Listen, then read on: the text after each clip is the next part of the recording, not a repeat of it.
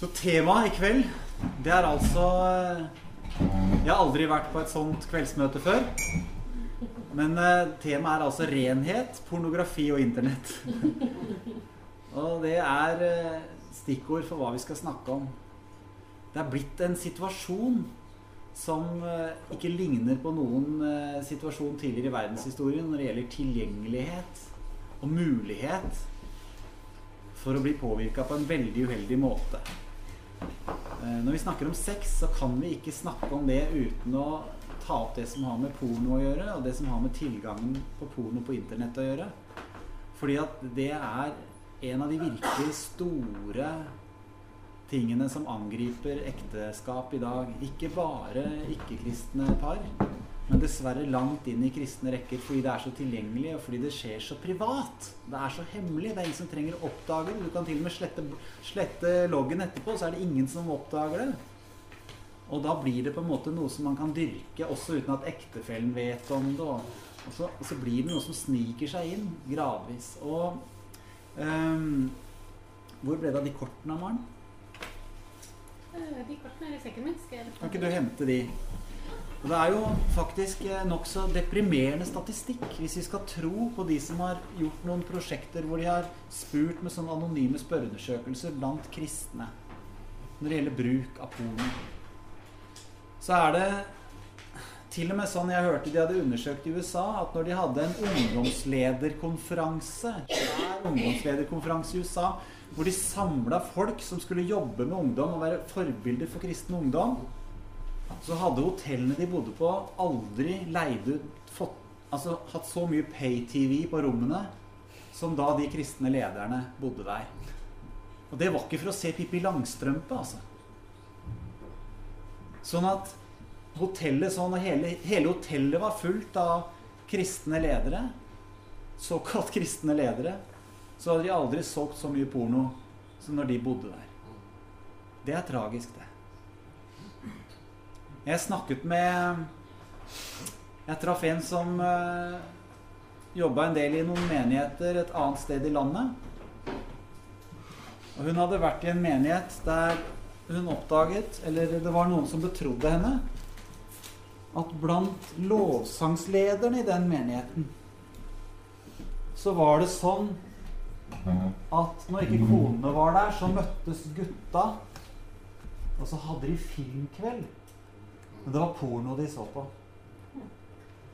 Så da var det altså lederne for lovsangen i den menigheten. Mennene som skulle lede forsamlingen inn for Guds trone. De rotta seg sammen rundt pornofilmer. I en menighet i Norge. Jeg trodde at det kunne være ille, men det trodde jeg ikke, altså. Før hun fortalte meg at dette er et skjult problem, et hemmelig problem har vært i mange år, langt inn i også konservative og bibeltroende kretser. Det er det ikke tvil om, fordi fristelsen er så stor. Men når det begynner å bli en åpenlys, nesten åpenlys ting hvor gutta er enige om at dette her er jo bare spennende og inspirerende og noe vi kan ta med oss hjem på soverommet etterpå, da har vi gått over så mange grenser som ikke har vært der før. Og det forteller meg at dette er noe vi bare er nødt til å adressere. Ikke være så redd for at vi skaper skyldfølelse og vanskelige situasjoner, eller at vi kanskje sjøl har vært frista, kanskje sjøl har gått over noen grenser. Det må ikke hindre oss. Når ble det sånn på andre områder at vi måtte være syndfrie? Har du noen gang møtt en syndfri predikant? Jeg har møtt mange flotte predikanter, men ingen av dem var syndfrie. Og skulle de ikke få lov å forkynne omvendelse og nåde fordi de ikke er syndfrie? Ja, Det er jo nettopp fordi de har vært syndere innenfor Gud som har fått nåde, som gjør at de kan forkynne frimodig om nåden. Og hvorfor er det så annerledes når vi kommer til sex? At da skal vi liksom være syndfrie i hele vår vandel før vi tør å si noe? Kanskje er det nettopp de som har falt dypest, men som har blitt reist opp igjen av Gud, som har det sterkeste vitnesbyrdet om at det går an å bli fri. Så jeg har lyst til at vi skal vi kan sende rundt uh, her. Dere kan ta, ta, et kort, eller det er kanskje til og med to til hver hvis dere vil ha, men det holder sikkert med et. Jeg kan få et, jeg også, forresten. Det er et kort som det står 'pastorer' på. Pastors. Så er bildet av en middelaldrende pastor på forsiden.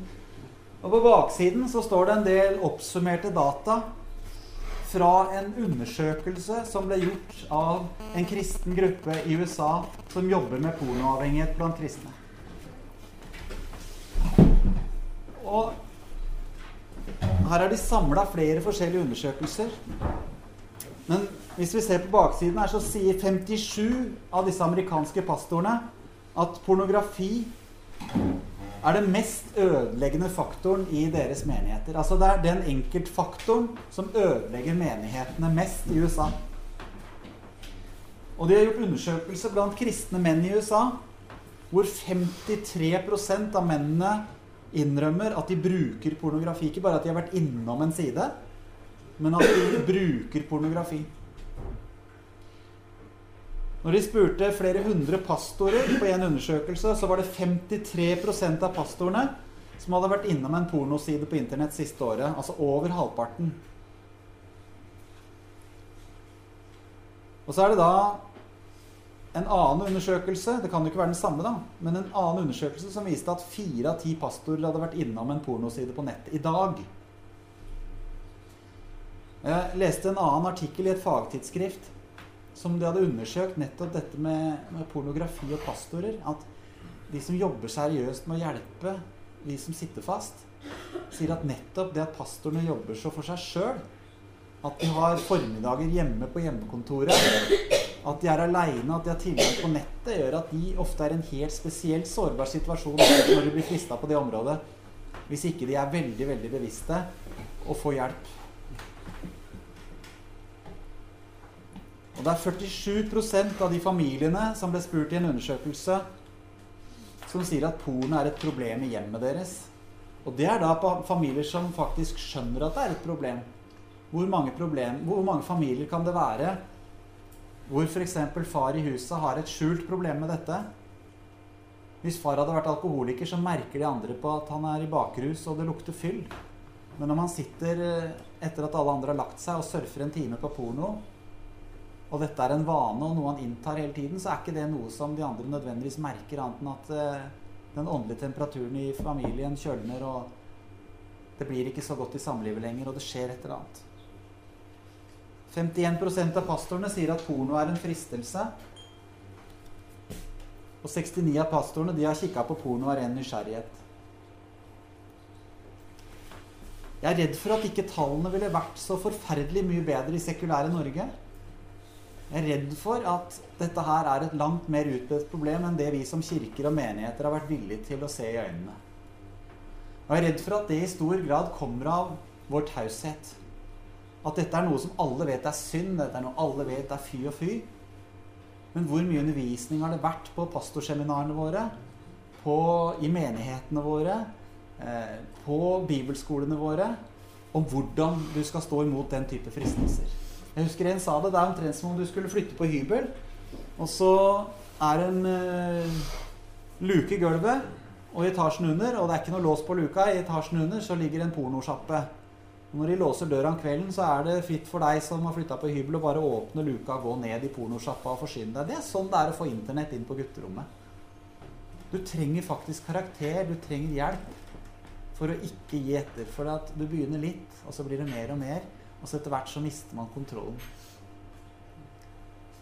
Og jeg tror vi trenger å være ærlige på det og si at kanskje dette er en fristelse for meg også. Kanskje innrømme det. Men samtidig stå fram og si at det går an å leve i seier over det. Det er så viktig. En fortalte meg at han hadde slitt med dette her. Og han, han satt så fast i pornoavhengighet at han var så skamfull at han klarte ikke å si noen ting foran menigheten. Det eneste han klarte å si, var navnet sitt. Og han prøvde å ta det opp med noen kristne menn i menigheten. Og de bare liksom Ja, det var jo synd, liksom. Vi kan jo Ja, det var jo Og så var det ingen som tok det på alvor. Og det han skjønte, sa han, etter at han møtte en som tok det på alvor, som tok det onde ved rota og hjalp han til å bli fri, var at de hadde jo ingen frimodighet, de andre gutta, for de satt jo fast i akkurat det samme som han. Så de hadde ingen frimodighet til å snakke sannhet inn i livet hans. Og vi har snakket med såpass mange, vi også, nå i de siste årene, hvor vi kommer i kontakt med folk som sliter på dette her, og hvor dette tærer på ekteskapet. Og hvor det faktisk er noe som kan gjøre at ektepar til og med går fra hverandre. når dette kommer opp i dagen og viser seg å være et problem som, som den ene ikke har herredømme over, og som kommer inn og, og påvirker samlivet. Så det er, det er, de tingene der vi skal snakke om i dag. Vi skal snakke litt om renhet sånn ellers også, men jeg, vi kjenner litt på at vi skal adressere litt på akkurat dette her med pornografi i dag. For det er det som liksom er den store fristelsen til å ødelegge ekteskapene våre. Men kanskje den største enkeltfaktoren i dag. For sånn som vi underviste om i dag, så er vi menn er skrudd sammen sånn at vi, vi, vi reagerer positivt når vi ser kona vår ta av seg klærne. Og det er en gudgitt gave. At Adam han var så begeistra når han så Eva. Det var noe Gud hadde lagt ned i ham. Men det er altså sånn at vi må passe på øynene våre, sånn at ikke de faller på andre og får den samme fascinasjonen over det seksuelle og begynner å utbrodere dette i tankene våre. Jeg tenker Vi skal bare begynne med en kort musikkvideo. Eh, dere skal få se mer av den videoen seinere. Um, vi skal begynne med en kort musikkvideo fra en video som heter 'Somebody's Daughter'. Eh, og budskapet i den sangen er at også disse jentene på internett, de er datteren til noen.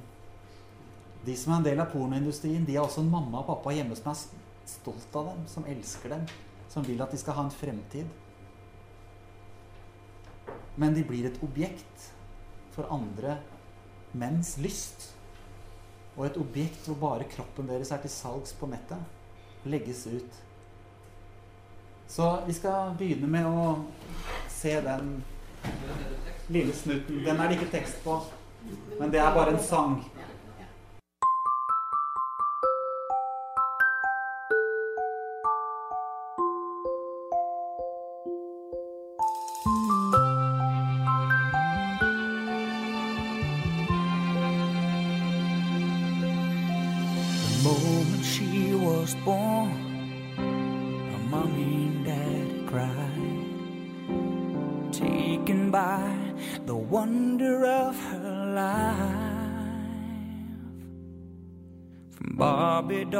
To ballet shoes, from roller skates to lipstick and rouge.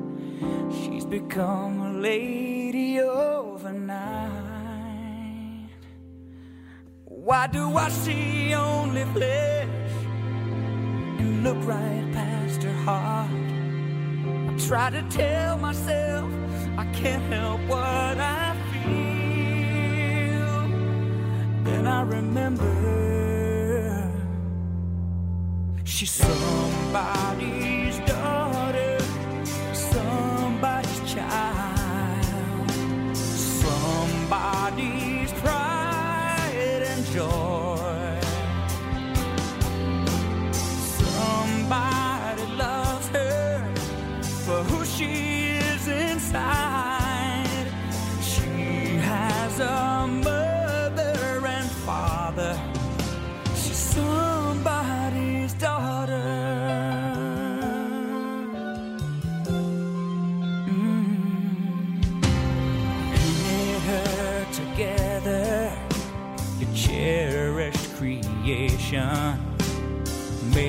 Body a temple for the soul. Why can't I appreciate the beauty that your hands have made and maintain my self control? Cause when I see only flesh, you're looking at her heart. So much more to her than meets the eye. I need to remember she's somebody's daughter, somebody's child, somebody's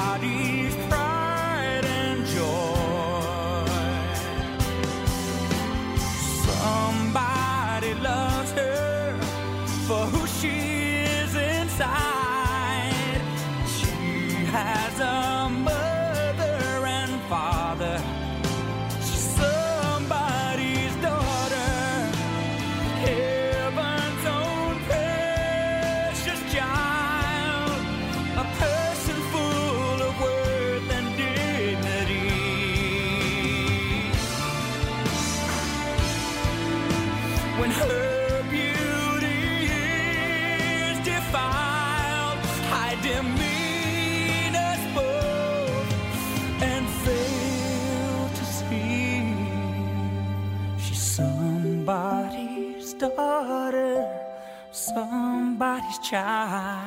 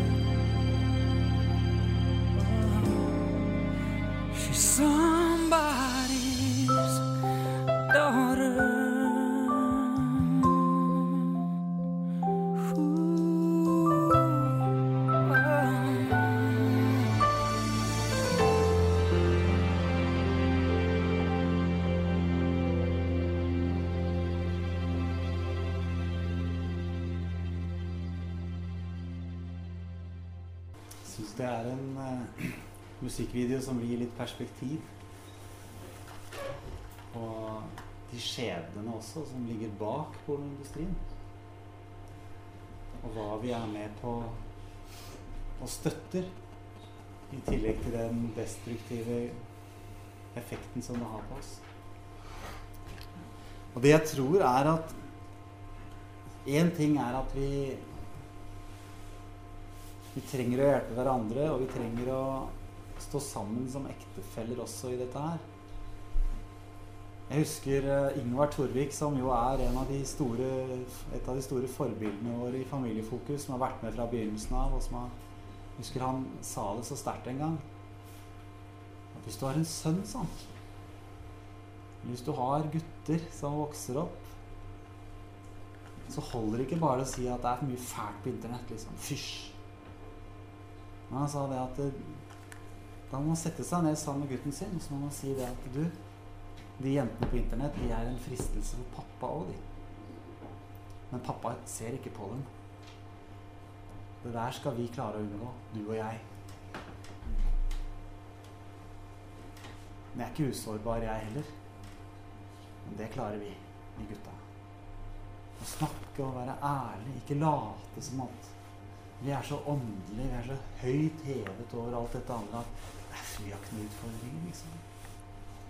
Det er viktig å kunne leve i seier og være frimodig med det. Det er fantastisk. Det er så mange desperate mennesker der ute som lengter desperat etter at noen skal si ja, men det går an å bli fri. Det går an å leve i frihet. Det går an å leve i seier. Samtidig som vi må ikke være sånn ovenfra og ned at liksom Det siste disse ønsker, og det siste det de er aller mest redd for, er at hvis de kommer opp med sin mørke hemmelighet, så vil noen bare slå dem i ansiktet og si at du kaller deg åndelig og kristen og pastor og leder. Nettopp fordi er du pastor eller leder, så vet du at kommer dette opp, så risikerer du rett og slett ikke være pastor eller leder lenger. Ikke sant? Det vil ikke noen akseptere. Og når ting er skjult og i hemmelighet, så har det enda større makt over oss. Og så blir det noe som vi dyrker i hemmelighet, og som får større og større makt nettopp fordi at det ikke oppe i lyset. For det er mørkets gjerninger. Det som lever i det skjulte, har så mye større makt enn det som får komme fram i lyset og bli avslørt. Så før vi sier så mye mer, så skal vi se resten av den videoen der. Eh, vi skal dele den opp i to bolker fordi den er på hele 45 minutter. Men da har jeg snakket med Jostein om at nå skal de som er engelske, engelskspråklige, de skal slippe å få tolk. For den er på engelsk, og den er dessverre ikke teksta, for den er ikke utgitt i Norge. Men at de som kjenner at de vil gjerne ha simultantolking til norsk, de kan sette seg rundt Jostein. Og de som syns det er greit å se filmen på engelsk, gjør det. Vi vil møte tre personer i denne videoen. Eh, det som er felles De har veldig mye felles med oss som er her nå. Eh, alle tre er ledere eller pastorer på De er, har vært og er ledere på pastorer på høyt nivå. Det er ikke alle vi, men de er pastorer, profilerte, vært profilerte pastorer og ledere. Eh, det som er felles for alle tre, er at de har vært pornoavhengige. Og vi skal her få møte da tre menn som forteller sin historie. Eh, og den tredje av dem, som er lovsangsleder, Eh, han stiller opp sammen med kona si, og de to forteller sin historie. Om hvordan det var da dette kom opp. Og hvordan de opplevde dette. Og hva som var veien ut av det. Og hvor hun også forteller om eh, hvilken oppgave hun hadde i dette, og hvordan de har jobbet seg ut gjennom det sammen. Så det er en veldig, veldig sterk historie. Så vi tenkte vi gjør det sånn at vi deler den i to. Vi ser første halvdel, og så tar vi en liten kaffepause. Og så, når vi har tatt en kopp kaffe, så tar vi andre halvdel på drøyt 20 minutter. Og så skal vi prate litt mer etterpå. Every addiction starts with a soft choice.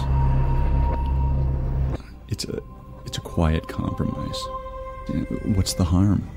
Not hurting anybody. But very few things are as they appear.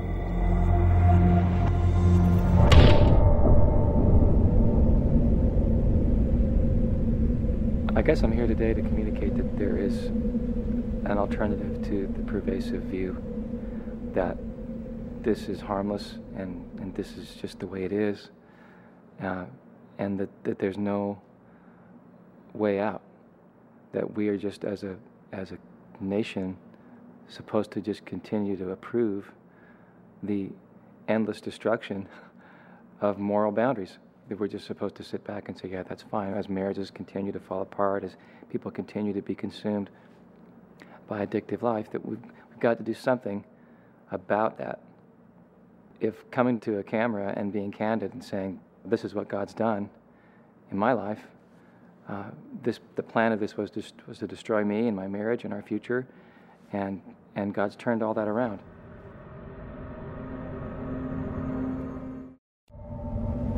It wasn't until one evening I was, um, we had moved and um, I had my office doors closed and I thought my wife had gone up to bed and she came downstairs and um, opened the door and there it was on the computer screen. And I just, as I think about that night, and I, I remember the look on her face. I knew the degree of duplicity I was living. And I just assumed automatically that she would leave because I grew up in a divorced home and it's, it's everywhere. You know, divorce is as common as Starbucks now, so it's just a common procedure for someone to say, I've given up on you. Uh, so I automatically assumed that she'd say that, oh, okay, well, you're a loser. And I guess at that point in my thinking, I thought I was the only one supporting a multi billion dollar industry. You know, it's, it's not sane thinking. And so my greatest fear at that time was that I would tell her and she'd say, oh, I can't believe this, you know, which, which she did. But that secondarily she'd say, and also I'm done with you and I'm taking your daughters and I'm walking. And that I was going to be left at this abyss to, to manage myself. I think that's why a lot of men don't say anything about it because they figure they'll be left alone with something they already know is too much. Our first daughter was born, and I remember looking at her, holding her in my hands and looking at her eyes and realizing there's a transparency in her eyes and her, her spirit that I can't connect to. There's something in me that has shut down. I, I should be able to connect to the degree that she's transparent because those eyes are just, I mean, you know what I'm talking about. If you've, if you've held a baby in your arms, a newborn, it's, there's nothing there but this beautiful, transparent soul that God created. This, oh, wow. And I can't connect. So what's going on in my heart, you know? And uh, so Shelly had gone out of town to see family, and I just felt like the Holy Spirit said, This is the day you call her and you tell her. Oh, God. You know, I can't do that. And I have to be clear that through this whole process, God was faithful to still communicate with me, to still pursue me. It's what He is. He is gracious, He is long suffering. And, and I guess I had shut Him out too. He continued to pursue me. So I thought, well, I just had this sense that if I don't do this today, I'm going to, I'm going to cross that line where there's the, the, the expense of this is going to be exponential. It, the destruction is going to be even greater. So I called her and told her, and because she was out of town, and I wanted to do it in, in person, but the bomb went off, and the truth was out, it took me by complete surprise. I didn't have any clue that it was was even an issue. I got angry, and uh,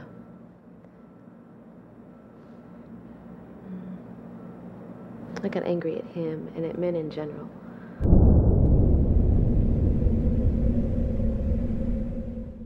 Hele denne videoen kan bestilles på DVD på nettstedet somebodysdaughter.org. Dette er ikke en sånn sak som vi kan ta lett på noen av oss. For selv om vi kanskje ikke er av de som sitter dypt inni det, så er det veldig lett å identifisere seg. Alle som bruker internett til daglig, vet hvor lett det er å sleive innom en side.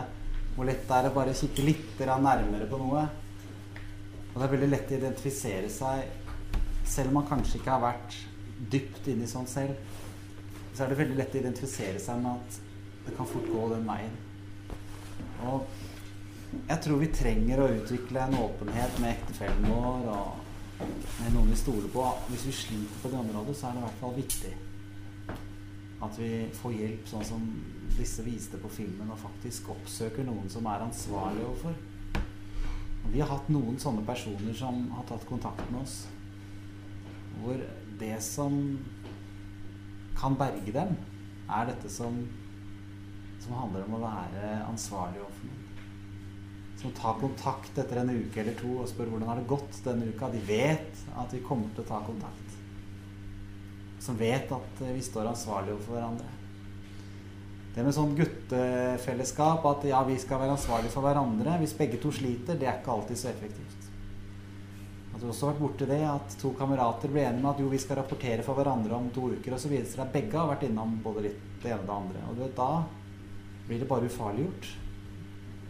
Eh, Det er så viktig, føler jeg, at selv om vi kanskje har snubla sjøl, at vi får rydda det helt opp, for at vi kan få leve renhet selv. Og at vi tør å kunne se folk inn i øynene kunne ha den begeistringen. Det går an å leve rent. Det går an å leve rent. Jeg er også synda, men det går an å leve rent. Og du skal Vi kan du, Jeg kan ringe deg. Vi kan ha Du skal få være ansvarlig overfor meg eller overfor noen andre. Og utfordre hverandre på det, og utfordre hverandre på å leve i åpenhet. Og kunne spørre hverandre og vite at vi kommer til å spørre hvordan går det med dette. Jeg tror det er veldig viktig. Så fins det selvfølgelig hjelpemidler, sånn som f.eks. at man kan installere programvare på PC-en som gjør at hvis du er inne på en pornoside, så går det straks e-post til den du er ansvarlig overfor. Og så kan du gi passordet til kona. Sånn at uh, du kan ikke avinstallere det programmet uten hjelp fra kona. Ikke sant? Og nå er det klart at sånne ting, det kan, det kan tenkes ja, hjelper noe, det er ingen garanti. Det er litt sånn som at ølsalget starter, stopper tidlig på kvelden. Du kan ikke hindre folk å bli alkoholikere av å slutte å selge øl klokka fem eller seks. Men du kan kanskje hindre en alkoholiker i å sprekke klokka halv ni på kvelden ved å gå på Rema og kjøpe en kasse øl. Sånn at alt dette her er sånne småting som ikke kan redde oss i seg sjøl. Men det fins en del gode hjelpemidler. Det fins, det kan vi nevne i morgen, men det fins både pornokirken.no og xxxchurch.org i USA har fokusert på dette her å hjelpe kristne som sliter. Og denne XXX Church de har en egen tjeneste overfor kristne som sliter. Og de har også en egen evangeliserings- og outreach-tjeneste der de når folk i pornobransjen med evangeliet. Så går de på pornomesser. Dette er folk som er blitt så fri at de kan gå på en pornomesse uten at det går inn i dem og skader dem. Og går med T-skjorter hvor det står 'Jesus loves porn stars'. Og så deler de ut flasker med kildevann hvor det står eh, 'rent kildevann', og hvor de har noen, eh, et budskap om renhet. Og hvor de går og vitner for disse pornostjernene som står på stands og reklamerer for de siste filmene, men tilbyr dem å bli kjent med Jesus som hjelper dem ut i frihet. Veldig sterkt. Og de har også laget denne programvaren som, som man kan laste ned helt gratis og installere både på PC og iPhone og Mac og allting. Så det er mange sånne ting som kan være greit å, å kjenne til, og som kan være en hjelp. Men det, det begynner med at vi selv tar et oppgjør med det, enten det er mye eller lite. At vi bestemmer oss for å leve i åpenhet med ektefellen vår om det. Og hvis det blir tilløp til det, at vi da vet hvem vi skal gå til. Og at vi får en slutt på det før det utvikler seg. Det som er så besnærende, ikke sant? Det, det, det, kan begynne så uskyldig som at man bare plutselig får veldig interesse for å se på sesongens eh, bikinimoter, ikke sant? Det må da være greit. Ikke sant? Og så er det liksom bare å se gjennom eh, Sports Illustrated eller et eller annet med noen eh, bikinimodeller, ikke sant? Men så plutselig så kommer det en link til eh, den modellen her var nakenmodell i et blad, faktisk. Og så står det en link, ikke sant? Og så klikk. Oi. Jeg bare, bare kjapp. Oi sann, der var Oi sann. Og sånn, her var det mye annet rart òg, gitt. Jeg burde kanskje gå ut her, men hva er det der for noe? Mm, ikke sant? Og så sakte, men sikkert så blir det bare mer og mer. Og, og så blir det bare mer og mer, og så blir det sånn at man hadde bare tenkt å gå så langt, for det er liksom innenfor rammene av hva vi syns er greit. Men så er det et lite skritt til, og et lite skritt til, og et lite skritt til. Og til slutt så sitter man ute der og surfer på hardporno som man aldri i verden ville stå for i utgangspunktet. Og igjen og igjen så skjer det med oss kristne, særlig med gutta, fordi vi har disse øynene våre som eh, så lett fester seg på alt annet enn kona hvis vi tillater det. Hvor dette her utvikler seg så fort før vi vet ordet av det. Og derfor er det så viktig at vi adresserer det, at det er et tema i menighetene våre. At det ikke er tabu å snakke om det. Og har vi slitt litt, så kanskje til og med vi skal spørre Gud om vi skal være ærlige med det og fortelle om det. Eh, kanskje vi ikke skal gjøre det. Kanskje vi ikke skal fortelle om våre egne kamper, men, men at vi skal adressere det på andre måter. Vi må spørre om Guds ledelse, men poenget er at vi trenger å leve i frihet sjøl. Og vi trenger å utfordre andre til å leve i frihet. Og vi trenger å hjelpe andre til å leve i frihet. Men så lenge vi er bundet sjøl, så er det gjennomsyrer ekteskapet vårt, det gjennomsyrer familien vår. Og det påvirker menighetene våre. Og det gjør noe med hele det åndelige klimaet i landet vårt. Jeg tror ikke det blir sterk fornyelse og vekkelse i den menigheten hvor gutta som leder lovsang, sammen sitter og ser på pornofilmer. Altså. De kan følge de siste trendene. De kan forkynne så radikalt og tidsrelevant de bare vil i den menigheten. Jeg er sikker på at de får aldri noe gjennombrudd. For det er noe som er så grunnleggende feil der. Og som åpner for en flod av fiendens krefter. Som vi ikke har kontrollen over.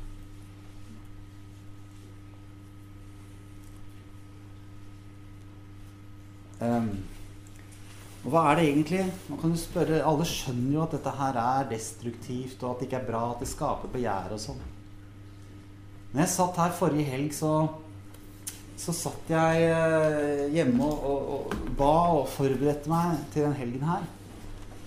Så, så spurte jeg liksom Herren bare sånn Hva er det egentlig som skjer? Hvis, noen, når vi, hvis vi surfer på porno, hva er det egentlig som skjer? Og så var det akkurat som det kom, akkurat som jeg begynte å drømme selv om jeg var våken. Jeg liksom ble, liksom, fikk noen sånne bilder hvor liksom, det ble en handling som liksom utspant seg foran øynene på meg som en drøm, selv om jeg var våken. Og så så jeg plutselig en mann som satt foran PC-en og åpenbart surfa, for der kom det en stor surfebølge på skjermen. Svær bølge. Og han satt der og fulgte med på skjermen. Og så plutselig så skjer det noe. Plutselig så kommer hele surfebølgen ikke bare mot skjermen, men gjennom skjermen. Og så kommer han ut av skjermen, og så skyller hele bølgen over mannen, så han blir kliss våt der han sitter foran skjermen og surfer. Og det var ikke bare at han ble våt, at det plaska ned på gulvet. Men så begynte dette her å liksom tørke, og så ble det vannet det ble liksom mer til et sånt slim. Som plutselig klistra seg på kroppen hans. Sånn at han begynte å få problemer med å bevege armene. Og det var akkurat som dette slimet gikk inn i kroppen på ham. Det var som jeg liksom så at kilden med levende vann som var inni ham, ble også tetta til. Det var noe som gikk inn og stoppet strømmen av levende vann som, som Gud hadde plassert inni ham med sin ånd. Og så la det seg foran øynene hans og hele kroppen hans, og han følte at det var ekkelt på en måte. Og han kjente at han trengte å skylle av seg, og så surfet han etter en ny bølge for å få en ny sånn skyld over seg. For liksom Akkurat som det skulle vaske det av han, det skulle liksom løse problemet og få en bølge til. Og så kom det en bølge til, og så viste det seg det ble bare enda verre. Enda mer klissete og enda mer slimete. Og jo lenger han holdt på, det hjalp ingenting. Men så gjorde det noe med han at, at dette her skapte noe i han. At han, mannen fikk lyst til å onanere, som han ikke hadde hatt. Det ga han lyst til å se på andre damer. Han fikk lyst til å ha sex med andre damer enn kona si. Og dette slimet som var på han, det, det endret måten han tenkte på. Og så så jeg liksom ja, Hva er det som skjer her? Så, merkelig drøm, kan du si.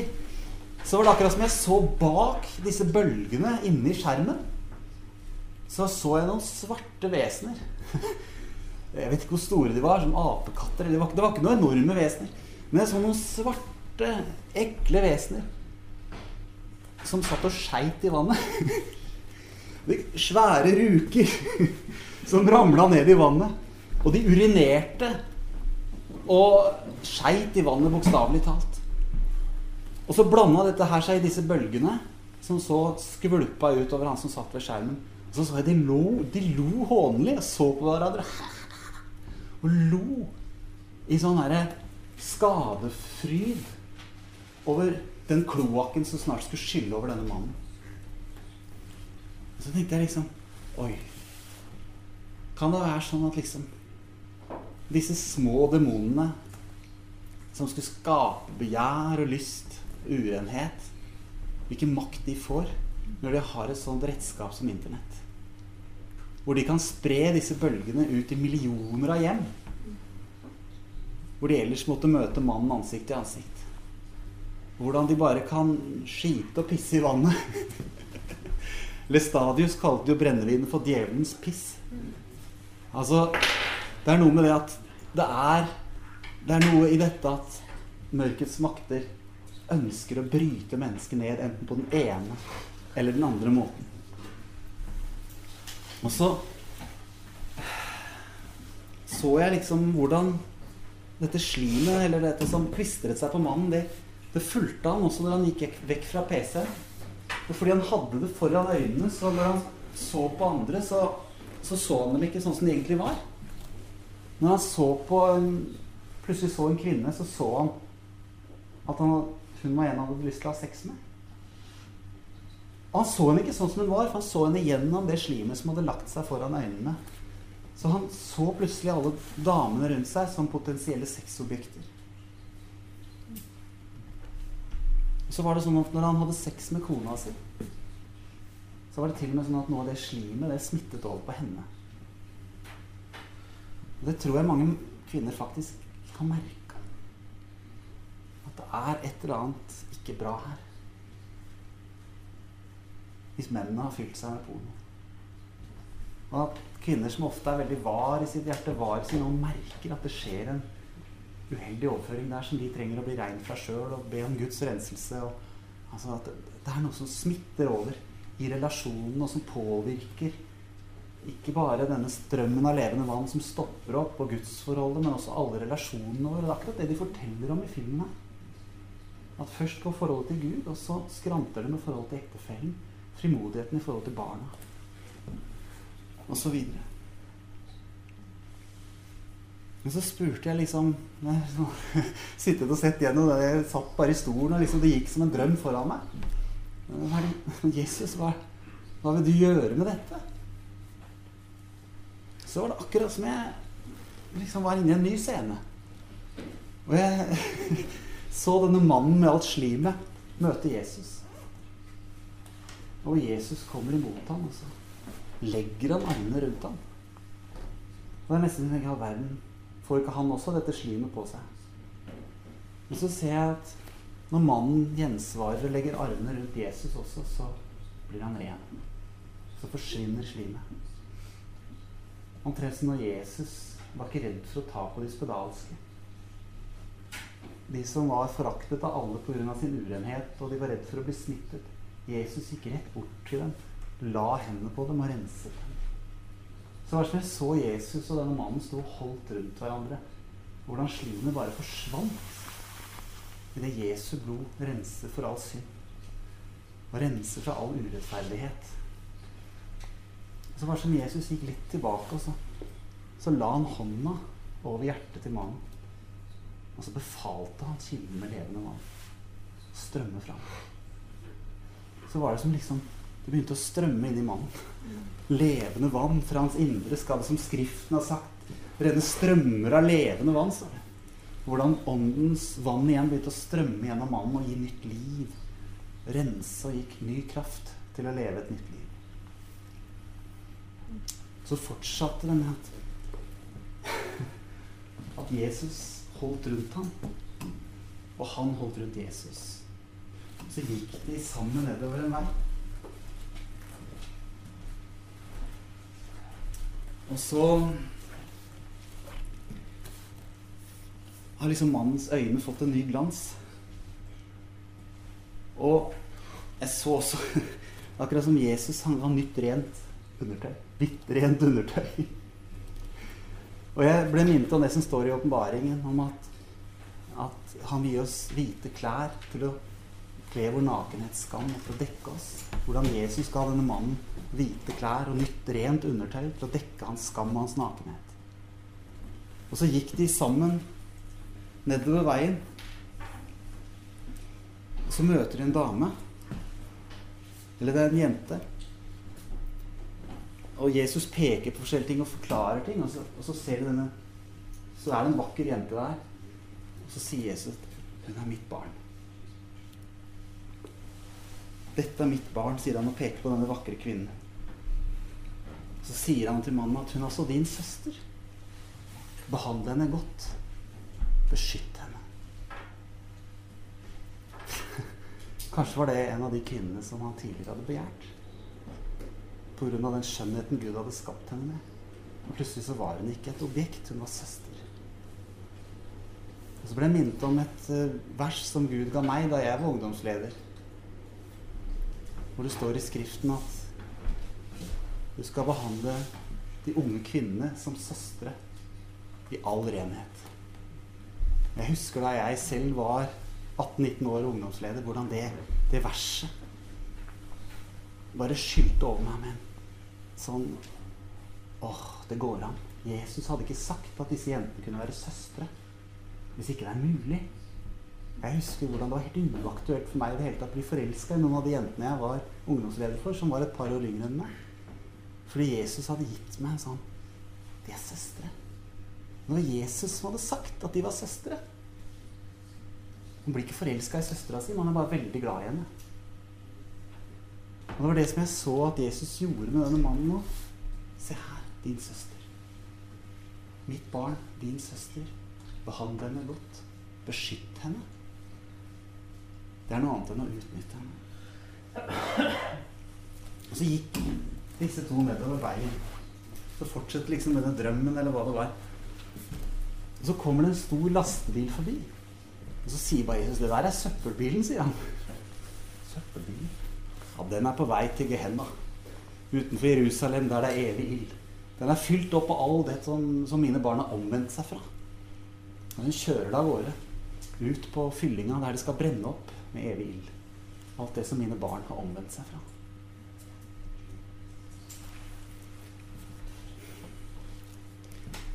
Og så sa Jesus til denne mannen at eh, du skal møte flere som deg, sier han.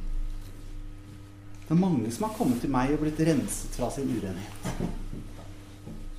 Det er de som har fått sine kapper renset i lammets blod, sa Jesus. Og som ikke har gjort seg urene ved kvinner. Et sitat fra åpenbaringsboken. Ja, men jeg, Det er akkurat det jeg har gjort, sier mannen. Jeg har gjort meg uren ved kvinner. Ja, du har gjort det. Og mitt blod har gjort deg helt ren, sa Jesus.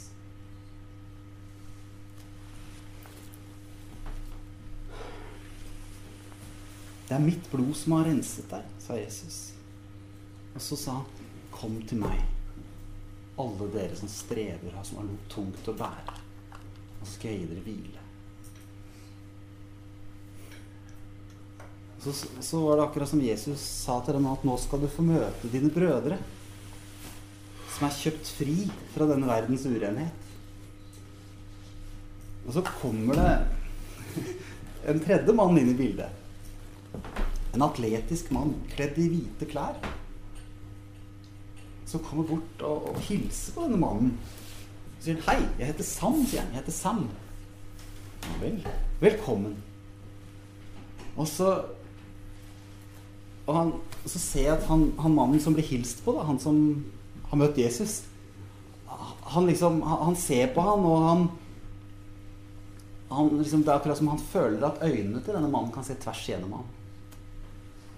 Men han føler likevel ikke at det er skremmende. For han, han har, det er akkurat som du bare ser at han Pga. den nye renheten Jesus har gitt ham, så er ikke det truende. Altså, han er dekket av Jesu blod. Det er ikke hvem han er i seg sjøl, men det er hvem Jesus har gjort at Gud har rensa ham i sitt blod. Og så, og så sier han eh, Så sier han det at eh, Ja, jeg er en av Guds profeter. En av de som han kalt til å Ja, en, en av Guds profeter. Jeg var en sånn som deg, sier han. Men Jesus renset også meg fra slimet. Han renset meg i sitt blod. Og nå kan jeg se med hans øyne. Og nå som du også kan se med hans øyne, så skal vi sammen hjelpe mennesker ut i frihet. Og så, så fortsetter dette her i, denne drømmen, eller hva vi skal kalle det. Og så, og så sier han Sam, sier han, er du profeten Samuel, eller noe sånt? Nei, sier han, jeg er ikke profeten Samuel i Det gamle testamentet. Men, eh, men Gud hadde åpenbart gitt han noe av den samme gaven. At han gjenkjente hva som var i folk, og plukket dem ut. Og hjalp dem på veien videre til å gjøre det Gud ville at de skal gjøre. Jeg ble minnet på hvordan profeten Samuel var den som Når David skulle bli konge, så var det så satte de opp Isakar, satte opp alle disse sterke, staute brødrene. Altså. Så Samuel på dem og sa nei, det er ikke han, nei, det er ikke han, det er ikke han. Men har du ikke en til? Og så hentet de inn lille David som bare var ute og gjette sauene. Og så sa han han er det. Han er det Gud har kalt. Og her møtte denne mannen da en annen bror i Herren som bare sier at Gud har kalt oss til å gjøre en jobb.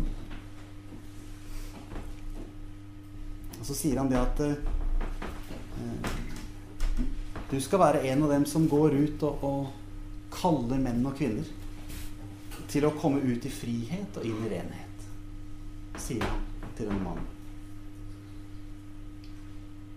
Og så sier han det at det Gud gir deg, er Elias salvelse. Det som det står om at Elia kommer og skal vende fedrenes hjerter til barna og barnas hjerter til fedrene. Det står det om hvordan tenkte jeg på hvordan det står om hvordan Johannes kom som Elia i Elias ånd og forberedte en vei for Herren.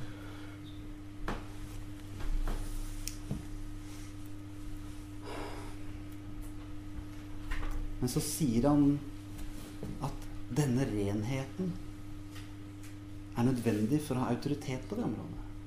Hvis du skal kunne vende fedrenes hjerte til barna og barnas hjerte til fedrene, så må du selv være ren. Du må være renset. Og at barna merker om fedrene har troverdighet, eller om de bærer på hemmelig synd.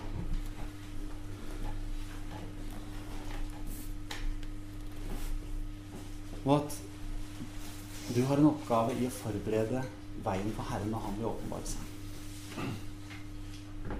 Og når du kaller til renhet, så skal fjellene jevnes ut, og dalene skal fylles igjen, og det skal bli en en vei for Herren, sånn at Herren kan åpenbare seg.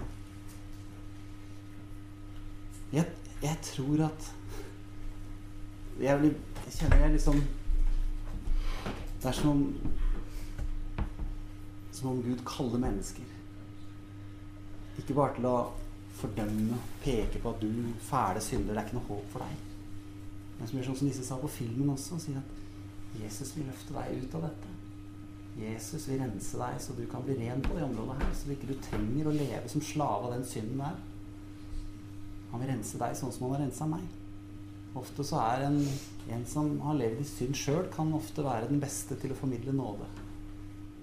Er som sagt at den beste evangelisten er en tigger som selv har funnet brød, og så forteller andre tiggere hvor det er brød å få. Og på en måte det å være klar over at man selv er fullstendig avhengig av Guds nåde og Guds renselse hver dag, men at det er ikke nødvendig å leve som en slave av den synden, setter oss i stand til å hjelpe andre ut i frihet.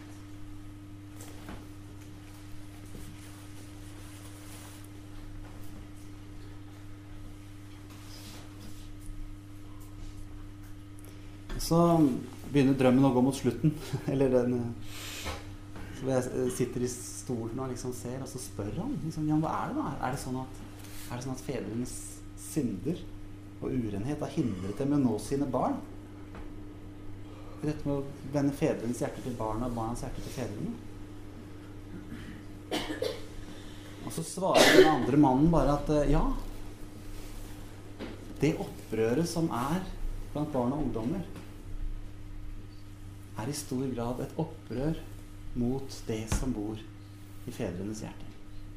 Barna ser ikke selv nøyaktig hva det er ved standen, men de merker at noe er galt. Og de gjennomskuer falskheten hos sine fedre.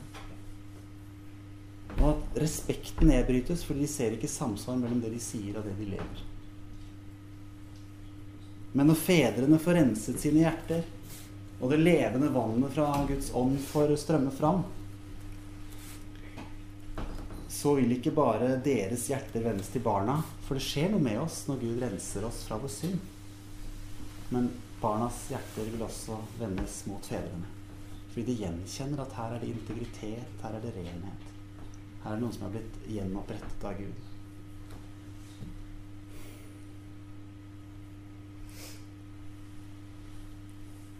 Og at kanskje nettopp fedrene vi har et spesielt ansvar for å holde hjertene våre rene. For det er nettopp det når Hvis våre hjerter blir forurenset av begjær, og det er det som driver oss, så mister vi også autoriteten som Gud har gitt oss som fedre.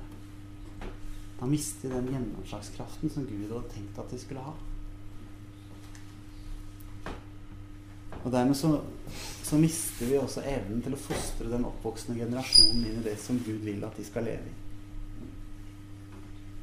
Det gjelder ikke bare oss som familiefedre, men det gjelder også som åndelige fedre.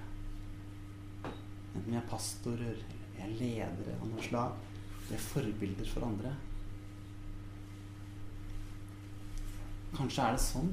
Jeg tror faktisk det at noe av den åndsfattigdommen som vi opplever mange ganger i menighetene våre, i landet vårt, eller egentlig på kontinentet vårt, i hele den vestlige verden,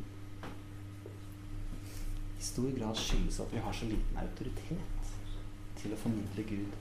Til å vende fedrenes hjerte til barna, barnas hjerte til fedrene. Nettopp pga. at disse tingene får leve videre i vår midte. Vi, vi, dyrker disse små syndene våre som vi er så glad i, uten å ta et oppgjør med det. Og så robber det oss for all autoritet. Og så spør vi liksom Ja, hvor langt kan vi gå, liksom? Hvor langt kan vi gå og fortsatt være frelst? Som om det er et tema, egentlig. Og hvor langt kan vi gå før vi er liksom helt utenfor Guds vilje på vei til fortapelsen? Som om det er det det handler om. Istedenfor å spørre Gud hvor nær din vilje kan jeg komme i dette livet? Hvor nær ditt hjerte kan jeg leve? Hvor tett innpå din vilje er det mulig å være i denne verden? Hvordan er det mulig å være mest mulig fri fra alle disse tingene? Sånn at også den velsignelsen, den salvelsen og den strømmen av ditt nærvær som du vil at skal strømme gjennom livet mitt og ut til andre, blir klarest mulig et bilde av Jesus. På sterkest mulig måte formidle hvem han er gjør at jeg kan ha en autoritet i det jeg sier, som går inn i hjertene og faktisk gjør noe når Gud ber oss om å si noe. At ikke det bare ord i motvind som bare blåser tilbake på oss ikke har noen kraft, som faller dødt til jord. Jeg tror det er Jeg tror det er viktig at vi har det perspektivet at når Gud oppfordrer oss til å rense hjertene, når Gud oppfordrer oss til å ta et oppgjør med disse tingene, når Gud maner oss til omvendelse, så er ikke det fordi han bare er opptatt av at vi skal følge regler. Det er rett og slett fordi at disse tingene bryter oss ned innvendig. Det ødelegger synet vårt. Det handlingslammer oss, sånn at ikke vi klarer å gjøre det Gud har kalt oss til å gjøre. Og det tar autoriteten bort fra våre liv, sånn at ikke vi har den autoriteten som Gud hadde tenkt at vi skulle ha som ledere og som fedre og mødre. Det som er så fantastisk, er at ingenting av dette er noe vi gjør ved egen kraft. Det så vi på de tre vitnesbyrdene som var på den filmen. Ingen av disse hadde klart å komme ut av det dobbeltlivet de levde i egen kraft. Det som førte dem ut i frihet, var bekjennelse av syndene overfor en bror og overfor ektefellen. Og bekjennelse for Gud. Jeg har syndet mot deg. Som den bortkomne sønnen som sier at 'jeg har syndet mot himmelen og mot deg'. Men hvor Gud svarer med å gi han ring på fingeren og en ny kappe og ha fest. For min sønn var borte, og kom hjem. Det er det det handler om. Det er det det handler om å komme hjem til far. Og autoriteten ligger i ringen fra farshuset. Som Gud gir oss tilbake på fingeren. Det som sier at 'jeg er sønn av far', han som eier gården. Jeg er autoritet i hans hus. En autoritet til å sette andre mennesker i frihet ved hans kraft. En autoritet til å tale inn i andre menneskers liv med tyngde. En autoritet til at det jeg sier, det har innflytelse. Det er ikke bare et ord som faller dødt til jorden. At han vil inspirere det vi sier. Han vil inspirere det vi gjør. Nå tror jeg at vi som ungdomsarbeidere, som søndagsskolelærere, som pastorer, som bare medmennesker, får en tyngde, en autoritet og en innflytelse som kan snu selv den flodbølgen av urenhet og alt det som ødelegger landet.